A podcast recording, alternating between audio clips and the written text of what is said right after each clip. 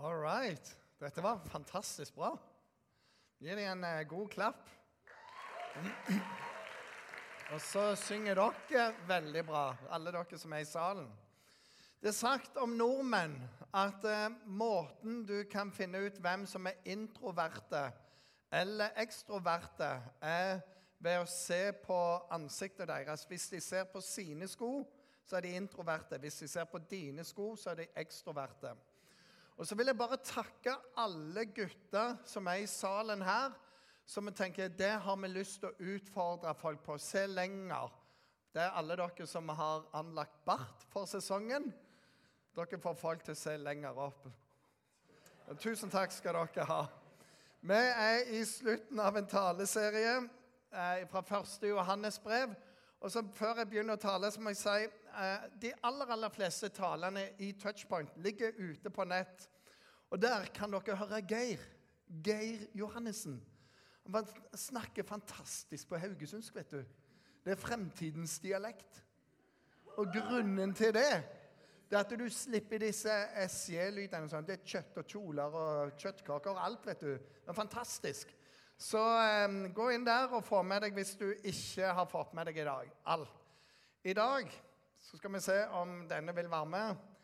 It's all about love. Uh, det passer med stemning og alt. Og det var en gjeng med fire til åtteåringer som ble spurt hva betyr egentlig kjærlighet. Eller hva er kjærlighet?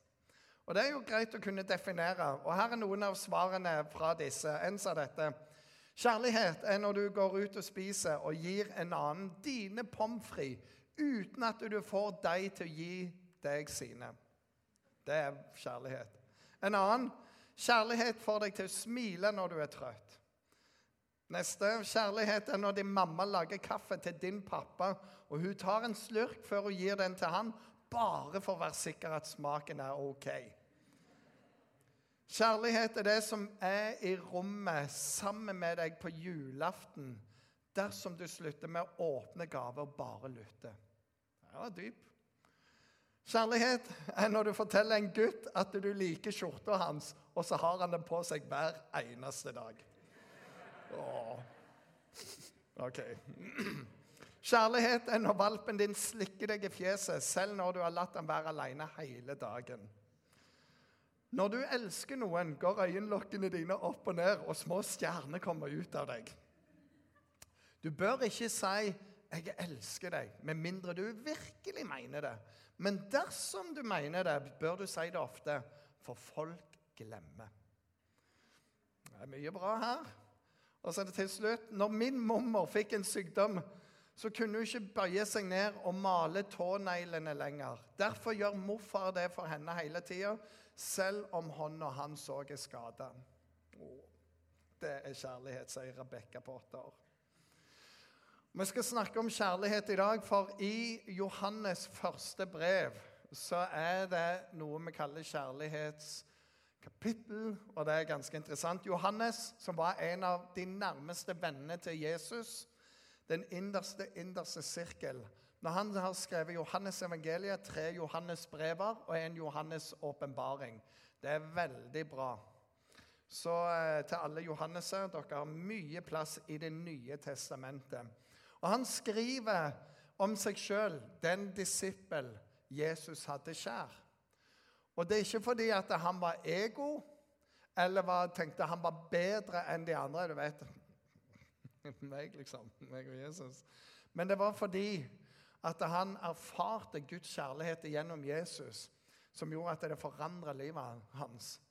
Det er når du tror at du bare er en av mengden, at det ikke er så viktig med deg. Han kalles en av tordensønnene. Broren hans var kanskje litt kranglete av natur. Og så ser Jesus langt forbi deg og sier, 'Du er en god mann, Johannes.' Og han bare sånn Wow. Kom, Johannes, jeg skal vise deg noen ting. Så, nei, liksom, hva med det? Bare bli med meg. Så bare erfarer han denne Guds kjærlighet. Når Jesus henger på korset, så kommer Johannes fram der, og Jesus henger, og så sier han 'Johannes'. Og så ser han mor altså mor til Jesus står på siden, og så sier han 'Det er mor di nå'. Det betyr ta deg av henne, sørg for henne i alderdommen. Og så sier han til mor si 'Mor, Johannes, han er sønnen din nå. Du gir ikke mer kjærlighet enn det. Den du våger å gi foreldrenes omsorg og ansvar til. Han bare kjente seg så utrolig elska av Jesus, og det forandra hele livet hans. Akkurat så kjærlighet forandrer oss òg. Så han skriver et brev, og i kapittel 4 og 5 så nevner han kjærlighet over 30 ganger med et ord som heter agape. Agape det betyr ubegrensa kjærlighet. Du, du, bare elsker fordi du må. Du klarer ikke å holde deg tilbake igjen. Det er ingen betingelser der. Det er ikke sånn hvis du gjør det, så skal jeg elske deg. Bare jeg elsker deg. Uansett, jeg er bare glad i deg. Det er akkurat som den der hunden som bare venter på deg uansett, som er glad i deg. Mye mer enn det. Dette er gapeverset, og her kommer teksten. Mine kjære. Og Det er òg interessant at han skriver i sånne ordelag.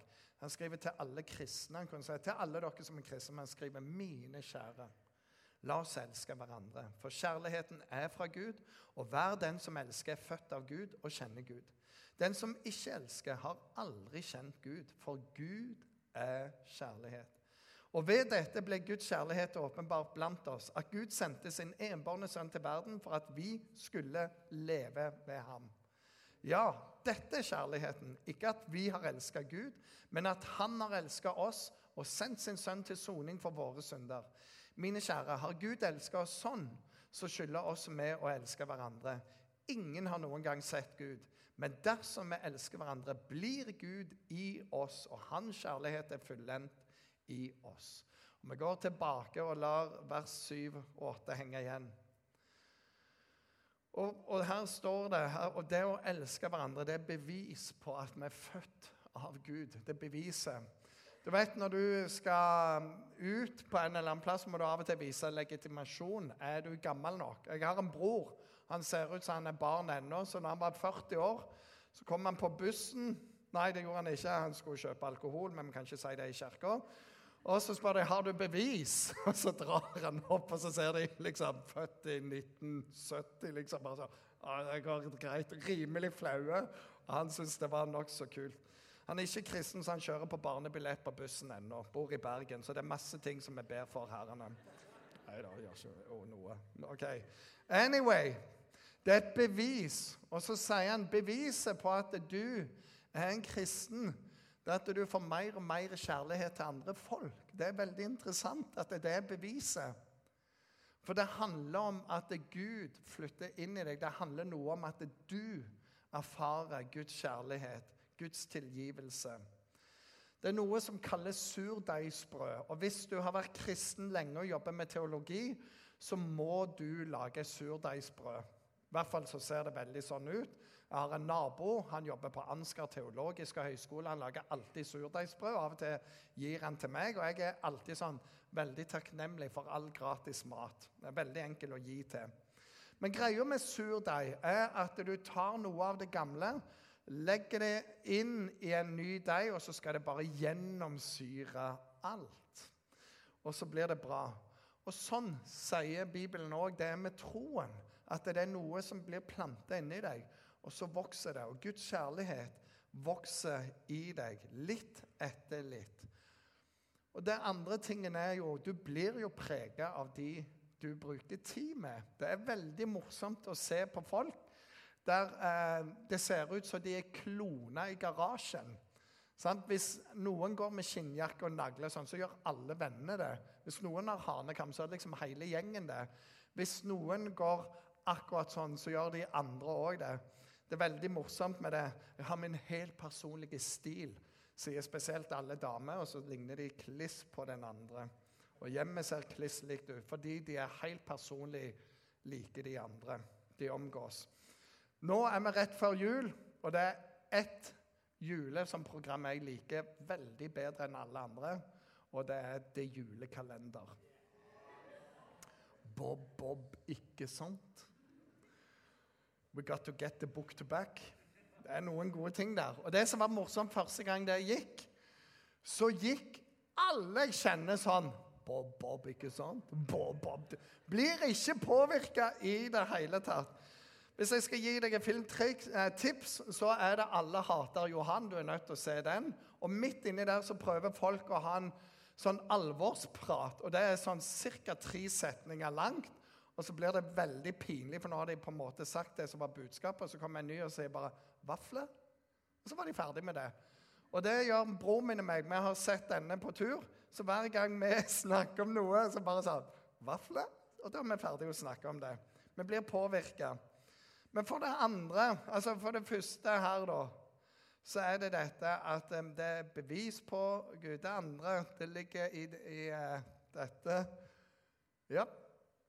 Kjærligheten er bevist gjennom Jesus når han hang på korset. Og dette, og ved dette ble Guds kjærlighet åpenbart blant oss. At Gud sendte sin enbårne sønn til verden for at vi skulle leve med han. Ja, dette er kjærligheten. Ikke at vi har elska Gud, men at han har elska oss og sendt sin sønn til, synde, til soning for våre synder. Hvis du ser i versen i der For at du skal leve, for at jeg skal leve. Og Jesus sier sjøl en annen plass Jeg har kommet for at du skal ha liv, og liv i overflod. Og Der mener jeg ikke at du skal bli steinrik, men at du skal ha så mye liv på innsida at det bare sprenger fram. Kong David han skrev flere salmer, og han skriver Mitt beger flyter over. Det er for mye liv her inne. Og Jesus sier, 'Jeg er kommet for at du skal ha dette livet.' Og denne kjærligheten gjør noe med deg. Liv i overflod. Og så er mange ganger Ja, jeg vet ikke om Gud elsker meg. Jesus elsker alle barna. Alle barna unntatt meg. For jeg er og så har de lagd masse rart om det. Og så hver gang vi spør deg ja, elsker meg, så se på Jesus. Og det står her i denne teksten. Du vet Når du er ute og fanger fisk, det er alltid morsomt, dette her. For først ja, var det en stor fisk. Ja, den var så stor, altså. Og så merker du at det ikke imponerer folk, så blir jo den fisken bare større og større. Så lang var den. Etter hvert så ble fisken så brei og enda etter hvert så var han så brei mellom øynene. Og til slutt så var den fisken du fanga, så brei mellom pupillene. Så det blir bare vokser og vokser. Og om du vil For at Jesus skulle strekke armene ut og vise så mye jeg elsker deg, så fikk han hjelp til å bli strukken ut på begge sider. Og så sa han så mye jeg elsker deg. Hver gang du lurer på om Gud kan være glad i deg, så må du se at Jesus henger på korset bare for deg. For at Jesus elsker alle barna. Han elsker deg. Se på korset. Og så står det en del andre vers. Han sier, 'Jeg har kalt deg med navn'. Og vi vet hvordan det er. Når jeg vokste opp, så var jeg var alltid minst. Var det laveste årskullet i tillegg er født 18.12., så det er litt sånn Du er alltid litt mindre, litt mer pingle, alltid sammen. Så de delte lag, og så var det meg og en annen som var ekstra små. Vi kunne bare bli med der. Sånn? At du kan gå der. Men det var liksom bror min, Jim, han var så god at han kom med på eliteserielag, så han ble alltid vært fullt. Han ble kalt med navn. 'Jim, du, du, går der.' Og dere to går der. Men så sier, så sier Bibelen Gud har kalt deg med navn. Og Det er ikke sånn du òg kan komme, men han sier, 'Kari, kom'. Så sier Andreas du betyr noe for meg. Og det står i Jesaja jeg har tegna deg i mine hender. Og det det betyr, er at i gamle dager, i antikken, så var det sånn at hvis noen hadde gjort noe spesielt og sa 'Jeg skal aldri, aldri glemme deg', så tok de tatoverte initialene deres inn i håndflata. Hver gang de åpner hendene, så husker du den personen. Hver eneste gang du gir noe, tar imot noe, så stemmer jeg husker den. Og så sier han, 'Jeg har tegna deg i mine hender'. Du er kalt med navn. Du er min. Siste bilde på dette er at eh, det står òg i Bibelen at eh, vi er adoptert inn i Guds familie. Adoptert inn. Og hva er forskjellen? Jeg husker jeg var i USA, og så har jeg en pastorvenn. Han er ikke helt god i hodet alltid. Så sier han dette her Vet du forskjellen på det og det andre? Når du får egne barn, så får du på en måte det du får. Wow! En unge som bare mamma kan elske. Det er meg, liksom. sant? Det er mange andre der. Wow, hva fikk jeg nå? Men hvis du adopterer dem, så ønsker du.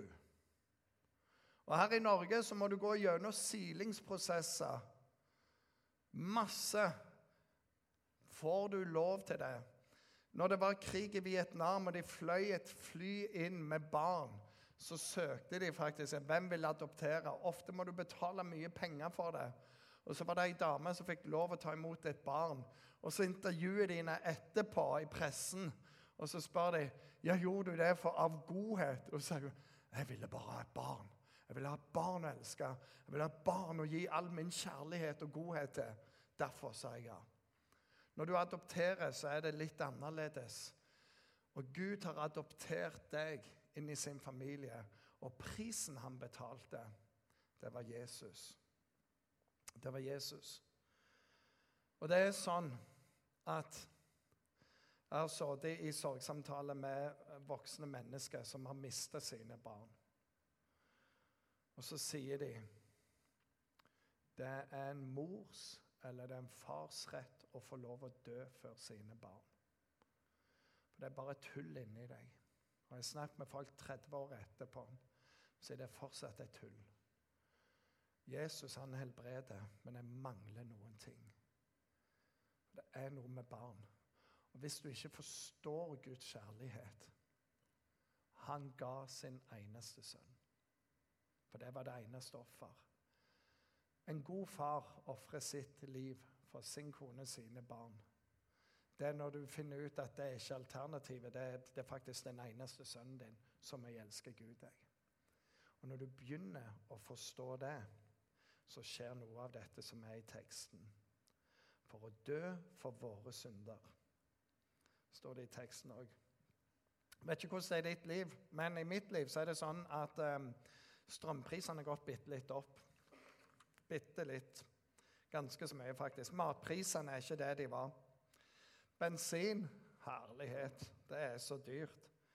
Og når vi nå får en ekstra regning, og hvis du er student eller lærling eller noe sånt, Det er ikke så mye penger der. Og du bare merker at alt har økt veldig mye, så begynner det å nærme seg jul. Og hvis du da har bil, og frontruta de bare fikk en stein inni seg, så bare sånn Det har ikke jeg råd til. Og hvis jeg skal betale det, så har ikke jeg råd til julegave. Og enda verre, jeg har kanskje ikke råd til pinnekjøtt engang. Altså, da er jo julen avlyst for oss fra Bergen. sant? Og så kommer en og sier, 'Vet du hva, jeg betaler for deg.' Jeg betaler alt det der for deg. Og ikke det, bare det, men jeg skal betale for januar og hele neste år òg. Kan du ha en god jul? Og kan du kjøpe verdens beste julegave? Og kan du ha pinnekjøtt på første, andre, tredje og fjerde dag? Så skjer det jo noe med deg. Mer enn dette betalte Jesus alt som du skylder. Det handler om all din skam tok han på seg. All din skyld tok han på seg. Og det står at han ble nagla til forbannelsens tre. Det er det korset kalles forbannelsens tre. For at hver den som er under forbannelse, skal bli fri fra forbannelsen. Det er kjærlighet, det.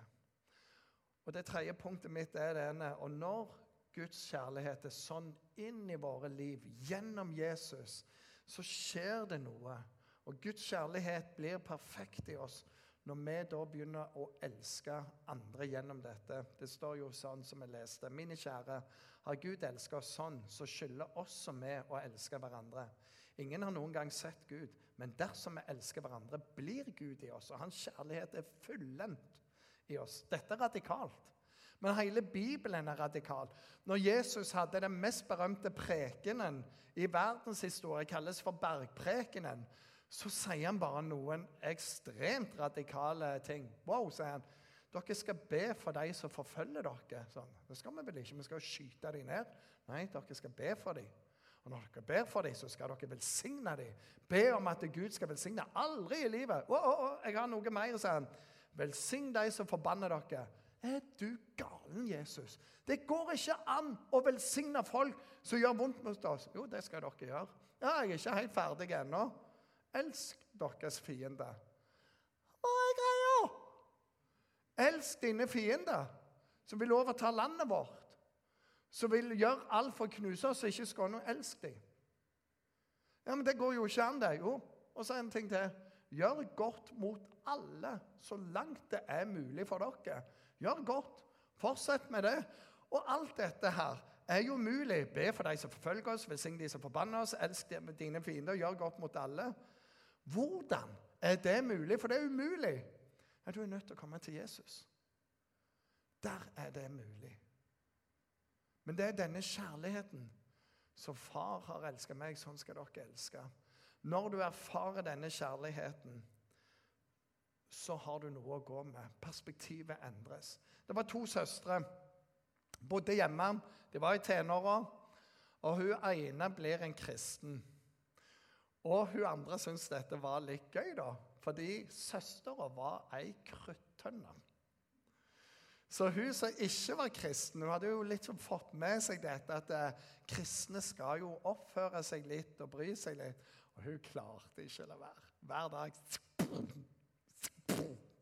Og søstera eksploderte. Og hun gjorde så mye bare for å terge henne. Så ja, ja, veldig kristen du er.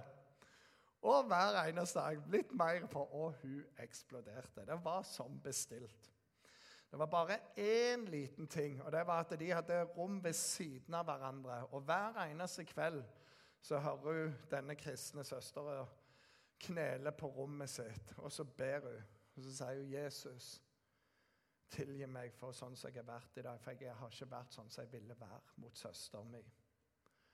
Jesus, kan du hjelpe meg å vise den kjærligheten som jeg har til henne? Kan du gjøre noe med sinnet mitt? Kan du hjelpe meg, Jesus? For jeg er glad i henne. Og jeg lever ikke sånn som jeg burde. Og søster hører dette kveld etter kveld. Hun klarer ikke å la være å tørre. Men etter hvert så har hun hørt det så mye at det begynner å gjøre vondt inni henne. Vet, hver gang jeg gjør dette mot min søster, så får hun det vondt. Etter hvert så slutter vi med det. Og det ender med at hun tar imot Jesus og forstår hva denne kjærligheten er. Det er ikke alltid det er så perfekt i oss. Og oss søsken imellom Hvor mye kan søsken krangle? Hvor mye kan vi irritere? Og spesielt jenter. Det er bare et eller annet med jenter. Hvorfor må de låne klær av hverandre? Ødelegger jo alt. Hæ? Så er det noe med at eh, Guds kjærlighet, når vi kobler på den, så skjer det noe. Guds kjærlighet inspirerer oss til å elske videre. Det står at eh, mens vi var syndere, så kom Jesus. Ikke når vi ble bedre, mens vi var virkelig på arbeidet. Dette kalles forsoning. Gud forsonte oss som har gjort så mye galt med seg sjøl gjennom Jesus. Og så sier han Og så har han gitt oss forsoningens tjeneste. Vet du hva det går ut på? Når vi er kristne, så har vi et ansvar for å forsone folk med oss og med Gud.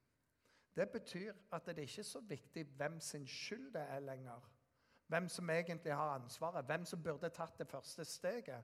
Hvis du har forsoningens tjeneste, så gjør du alt som er i din makt for å fikse det forholdet.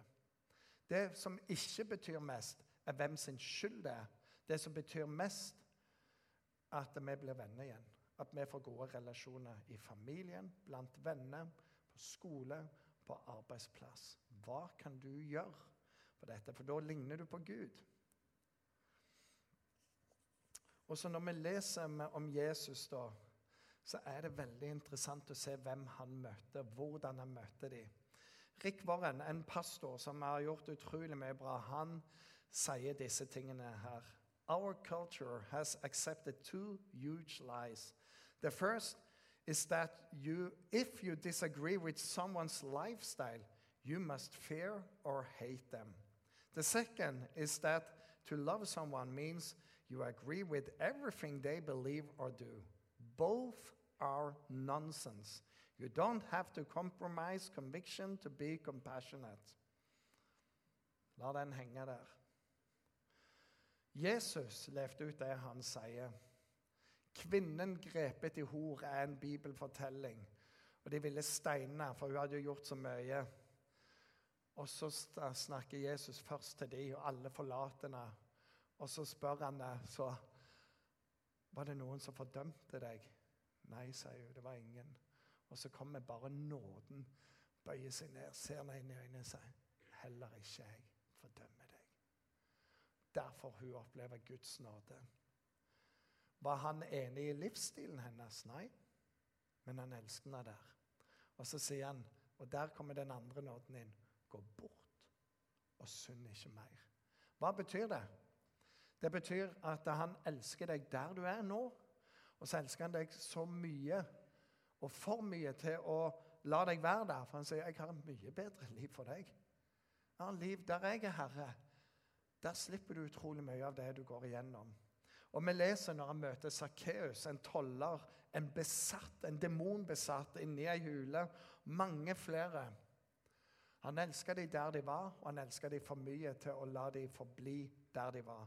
Det skjedde noe med dem. Det er noe med denne Guds kjærlighet. Det er noe som kalles kjærlighetens kapittel. Når, hvis du gifter deg en dag, og jeg får lov å vie deg, ikke Marius, men jeg, så kommer dette her. Kjærligheten er tålmodig. Kjærligheten er velvillig. Det må være på nynorsk med kjærligheten på nordnorsk. Synder ikke, vi skryter ikke. Er ikke håndmodig. Kjærligheten Krenk ikke, søk ikke sitt eget. Det er ikke oppførende, gjem ikke på noen. Den gleder seg ikke over urett, men altså gleder seg ned til kjærlighet. Utholder alt, tror alt og håper alt og tåler alt. Vet du hva? Dette er utrolig nok i eh, Roy Ellings brev òg. Andre Roy Ellings brev, kapittel 4. Der står det sånn ja, Roy, Royal er eh, tålmodig og er velvillig. Han misunner ikke, skryter ikke, er ikke tålmodig og gjelling krenker. Det er veldig herlig. Og så kan du da si, når du gifter deg Tenk om dette kan være sagt om deg. At det går på denne måten. Altså, ektefellen er tålmodig. Hæ? Ektefellen er velvillig. Ektefellen misunner ikke. Ektefellen skryter ikke, ikke håndmodig. Ektefellen krenker ikke søker ikke sitt eget, er ikke oppfarende og gjemmer ikke på det onde. Ektefellen gleder seg ikke over urett, men har sin glede i sannheten. Ektefellen utholder alt, tror alt, håper alt og tåler alt. Og Hvis du ikke har det som er krav til ektefellen din, men ønsker å være en sånn ektefelle, og den andre finner ut på sin måte sånn ønsker jeg òg å være, Da tror jeg dere har sjanse til at dette går bra. Hva om vi skifter det bildet litt? Sier den kristne er tålmodig, for Guds kjærlighet bor i deg. Og vi vet dette klarer vi ikke alene, men vi klarer det med å koble oss på Jesus om igjen og om igjen. Du har hørt denne vitsen. Kona spør mannen elsker du meg. Og det var jo en jærbu. Og så sier han kona når vi gifta oss for 20 år siden, så sa jeg jeg elsker deg, og jeg skal si ifra om det endrer seg. Det har ikke endra seg. Så er det bare det at vi trenger å høre det litt oftere enn jærbua klarer å si det. Sant? Og Sånn er det òg med Guds kjærlighet. Du trenger å erfare Guds kjærlighet mer enn én en gang. Det er en av de herlige tingene med å lovsynge. Det er en av de herlige tingene med be. Å være der Jesus er sentrum, for det skjer noe i oss. Helt til slutt her. Gud har skrevet et kjærlighetsbrev til deg. Det heter Bibelen. Bibelen er Guds kjærlighetsbrev til oss. Og Når du leser gjennom hele Bibelen, så vil du finne disse sporene av kjærlighet. Det står om løfter og advarsler, bud om forskrifter, leveregler, synd og hellighet. Og alt er skrevet fra Han som elsker deg mest, Han som kjenner deg bedre enn du kjenner deg sjøl, for at du skal ha det beste livet du kan leve. Og så kan vi si, og dette er bare feil men om vi later som om at Gud ikke visste absolutt alt om menneskene i Gamle testamentet, så gikk det jo noen tusen år fra det første ble skrevet, til det siste ble skrevet. Og i Nytestamentet så har han da fått sett generasjon etter generasjon leve. Hvordan ting funker sammen og ikke funker sammen. Ah, 'Det er ikke bra, så da lager vi en regel på det.' Det er veldig bra hvis det skjer. Og så får du Nytestamentet med Jesus, alt sammen. Og Det er Guds kjærlighetsbrev til deg. Det er skrevet for at du skal få det beste livet du kan ha. Så i dette avsnittet som vi har lest sammen i dag, så er hovedideen dette. Gud og Herre Jesu Kristi Far, han er kjærlighet. Han er kjærlighet. Denne kjærligheten er manifestert, eller åpenbart, som det står, gjennom at han sendte Jesus til å dø for oss på korset. Og den blir perfeksjonert gjennom den kjærligheten du og meg viser ut til andre igjen. De kan få se spor av Jesus gjennom meg og deg. Men det handler om å la seg elske og fortsette å la seg elske. Det handler om at Gud får lov å påvirke oss. Jeg vet ikke hvor mange ganger jeg har kommet sint til Gud i bønn. Og etter hvert som jeg ber, så forandrer bønnen seg. Og så blir det en selvransakelse og en omvendelse. Og det gjør noe med hjertet mitt. Skal vi be sammen? Herre Far, jeg takker deg for at du sendte Jesus til jorden. For å leve et perfekt liv og for å dø for våre synder. Alt vi skylder. All vår skyld, all vår skam, all vår synd ble nagla til korset. For at vi skulle gå som elska barn med hodet heva, vel vitende om at jeg er elska, jeg er ønska. Og Gud har en plan for meg. Takker deg for det. For at det i deg så har vi tilgivelse for alt vi har gjort galt. I deg så har vi en plan å leve, og i deg så har vi sikkerhet for evigheten. Herre, jeg ber om at hver enkelt av oss skal få lov å erfare den kjærligheten. Ta imot frelsen og ta imot livet i deg.